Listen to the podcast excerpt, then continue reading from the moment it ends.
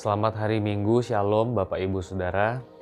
Pada hari ini saya sedang merenungkan Matius pasal 23.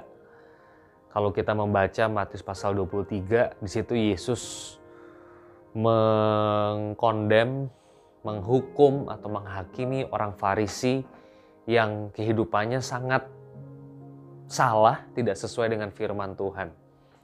Ada berapa kali di dalam pasal 23 ini kata celaka. Celakalah kamu, kamu buta, kamu bodoh, kamu seperti kuburan di labur putih, kamu keturunan ular beludak, anak neraka. Kalau saudara baca, begitu sengitnya kalimat-kalimat Yesus di dalam Matius pasal 23 ini. Mengapa demikian saudara? Yang pertama, saya mengajak saudara melihat Matius 23 ayat 23. Celakalah kamu hai ahli-ahli Taurat dan orang-orang Farisi sebab kamu hai kamu orang-orang munafik sebab persepuluhan dari selasih adas manis dan jintan kamu bayar. Tapi yang terpenting dalam hukum Taurat kamu abaikan yaitu keadilan dan belas kasihan. Yang satu harus dilakukan dan yang lain jangan diabaikan. Saudara, sepersepuluh dari selasih adas manis dan jintan itu tuh sayur mayur dalam konteks kehidupan mereka pada waktu itu. Sepersepuluh dari adas manis selasih jintan itu kecil banget. Jadi kalau di saudara punya panen gitu ya, sekilo katakanlah sepersepuluh dari sekilo itu, itu kan kecil banget kan. Jadi orang-orang Farisi itu sangat detail dalam hal persembahan. Sesuai firman, sesuai. Sesuai dengan Taurat, sesuai. Tapi Tuhan Yesus mengatakan, yang kayak begitu lu bener, tapi keadilan dan belas kasihan diabaikan.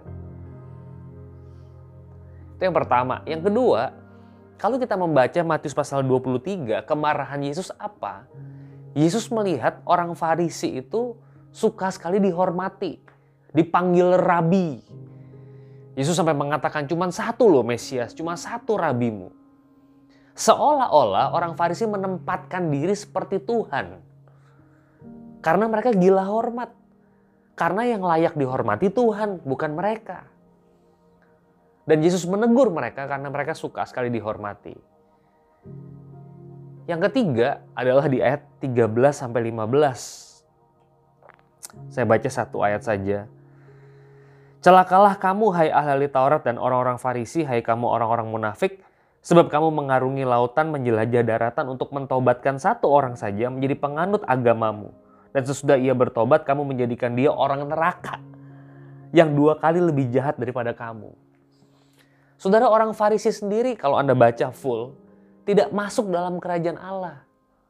Karena mereka hidup dalam kemunafikan, bukan dalam firman.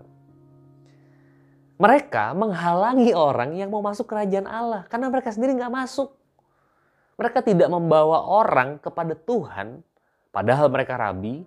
Mereka membawa orang kepada diri mereka sendiri. Jadi sama sekali nggak ada rohani-rohaninya. Sama sekali nggak ada firman di dalamnya.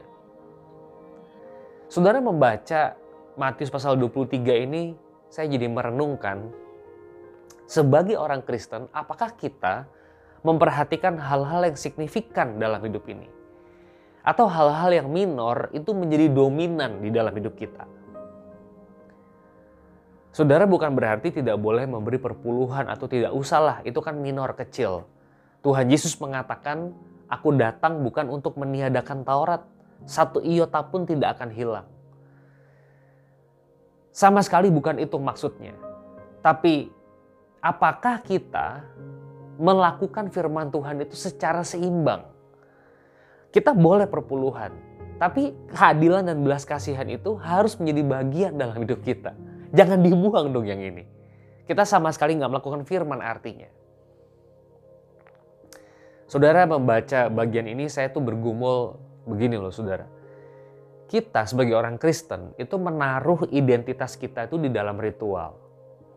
Jadi kita bangga banget gitu kalau kita saat teduh, kita mendengar suara pastoral, kalau kita perpuluhan, uh 10%. Pas, akurat jitu.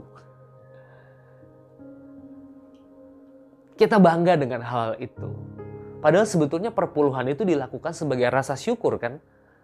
Kalau itu dilakukan sebagai rasa syukur, nggak mungkin kita ngitung-ngitung sama Tuhan. Nggak mungkin, bahkan lebih.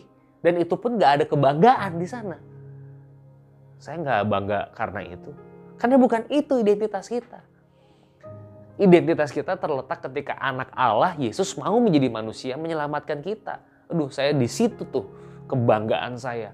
Tidak ada yang dapat memisahkan saya dari kasih Allah maut, penguasa malaikat nggak bisa. Mati pun kita sepertinya ready. Jadi kita perpuluhan bukan buat pamer, saudara. Kita saat teduh doa bukan buat dipamerin. Tapi kita melakukannya sebagai bagian dari kehidupan Kristiani kita. Saudara kita perlu memeriksa hidup kita. Apakah kita penuh belas kasihan? Mungkin kita perlu tanya istri anak kita, atau suami kita, anak kita, orang tua kita. Ini Kristen bukan nih. Bukan hanya ketika kita transfer ke gereja, tapi ketika kita juga transfer belas kasihan kepada orang. Ketika kita punya keadilan.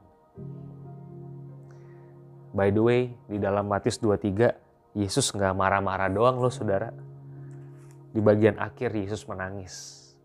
Saya mau tutup dengan tangisan Yesus belas kasihan. Yerusalem, Yerusalem, engkau yang membunuh nabi-nabi, melempari dengan batu orang-orang yang diutus kepadamu. Berkali-kali aku rindu mengumpulkan anak-anakmu, sama seperti induk ayam mengumpulkan anak-anaknya di bawah sayapnya. Tapi kamu tidak mau. Lihatlah rumahmu ini akan ditinggalkan dan menjadi sunyi. Dan aku berkata kepadamu, mulai sekarang kamu tidak akan melihat aku lagi, hingga kamu berkata, diberkatilah dia yang datang dalam nama Tuhan. Yesus tidak hanya marah, tapi dia menunjukkan belas kasihan air mata kepada Yerusalem. Selamat berefleksi, selamat hari Minggu, Tuhan memberkati saudara.